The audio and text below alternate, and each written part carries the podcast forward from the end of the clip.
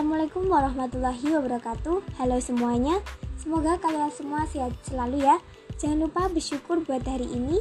Sedikit mengingatkan Jangan lupa jaga kesehatan untuk kalian semua ya. Kalau kesehatan aja nggak dijaga Gimana ngejaga hati? Hehehe.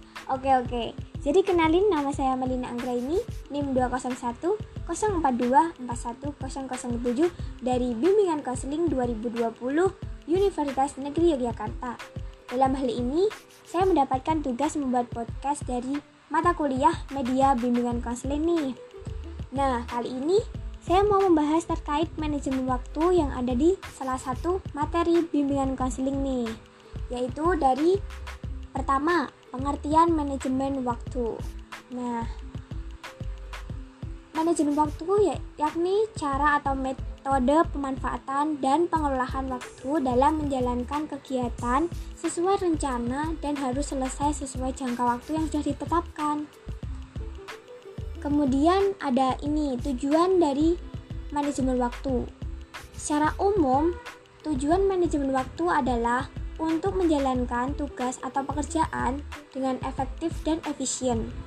Efektivitas dalam Pekerjaan bisa dilihat dari pencapaian tujuan atau target yang telah ditetapkan sebelumnya dalam manajemen.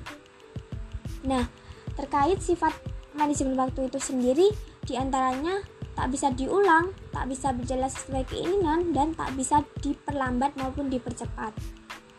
Kemudian, terkait manajemen waktu itu pasti ada manfaatnya yaitu satu membuat kemampuan individu dalam mencapai produktivitas dan efisien lebih besar.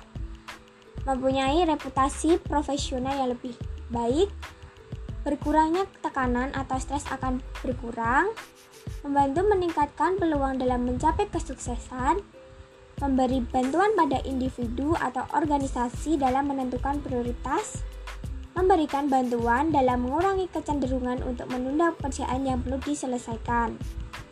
Nah, terkait prinsip manajemen waktu itu sendiri, ada beberapa nih, yaitu rencana harian, yang selanjutnya mengembangkan kepekaan diri pada waktu, yang selanjutnya mengidentifikasi tujuan jangka panjang, membuat rencana jangka menengah, memanfaatkan waktu dengan baik, mengorganisasi tugas kantor, menyusun rapat, mewakili dengan efektif, dan memelihara kesehatan. Terkait cara membuat manajemen waktu, ada beberapa nih, di antaranya pertama, buatlah daftar agenda tugas dan deadline penyelesaian tugas tersebut. Selanjutnya, atur yang menjadi prioritas utama agar waktu yang digunakan lebih produktif. Yang selanjutnya, Belajarlah untuk mengenali waktu yang produktif. Jangan pernah menunda waktu dan jangan biarkan waktu yang dimiliki terbuang sia-sia. Fokuslah mengerjakan prioritas dan agenda tugas yang dimiliki. Jangan hiraukan gangguan yang terjadi sekitar, yang yang ada di sekitar. Nah, itu tadi pembahasan ter terkait manajemen waktu.